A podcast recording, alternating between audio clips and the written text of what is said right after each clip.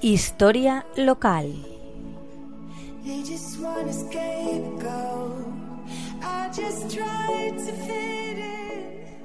Buenas tardes, amigas y amigos de la Tegua Radio.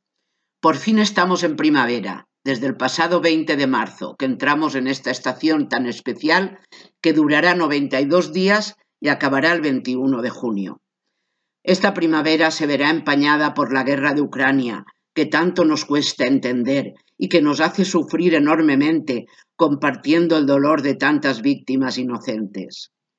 Esta guerra me trae a la mente la historia de Annels Marie, conocida como Ana Frank, que en febrero o marzo de 1945 murió en el campo de concentración de Bergen-Belsen.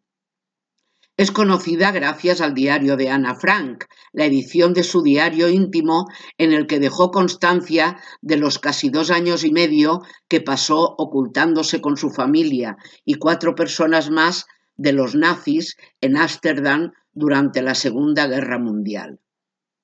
Nació en Frankfurt del Meno, Alemania. Era la segunda hija de Otto y Edith, una familia de judíos, de judíos alemanes.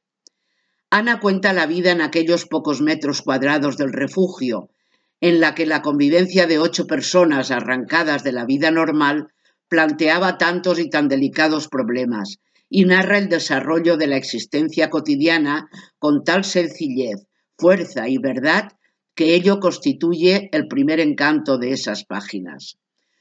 Una vez fueron descubiertos en su escondite, Ana y su familia fueron capturados y llevados a distintos campos de concentración alemanes. El único superviviente de los ocho escondidos fue su padre. Ana fue enviada al campo de concentración nazi de Auschwitz el 2 de septiembre de 1944 y más tarde al de Bergen-Belsen, donde murió de tifus unos dos meses antes de que el campo fuera liberado. En 1947, apenas dos años después terminada la guerra, su padre publicó el diario bajo el título La casa de atrás. El diario constituye un conmovedor testimonio de ese tiempo de terror y persecución que creíamos imposible que volviera a repetirse. Ana Frank habla de sus aspiraciones y también de los peligros que les acechan, pero sin perder la esperanza.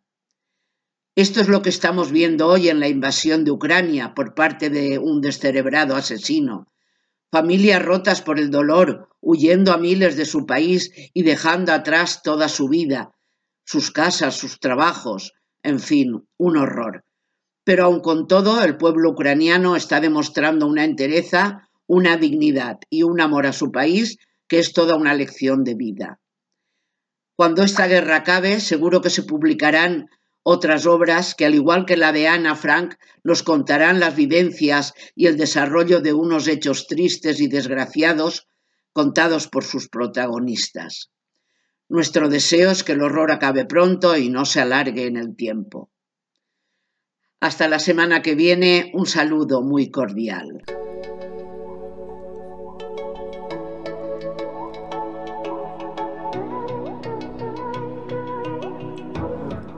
Historia local.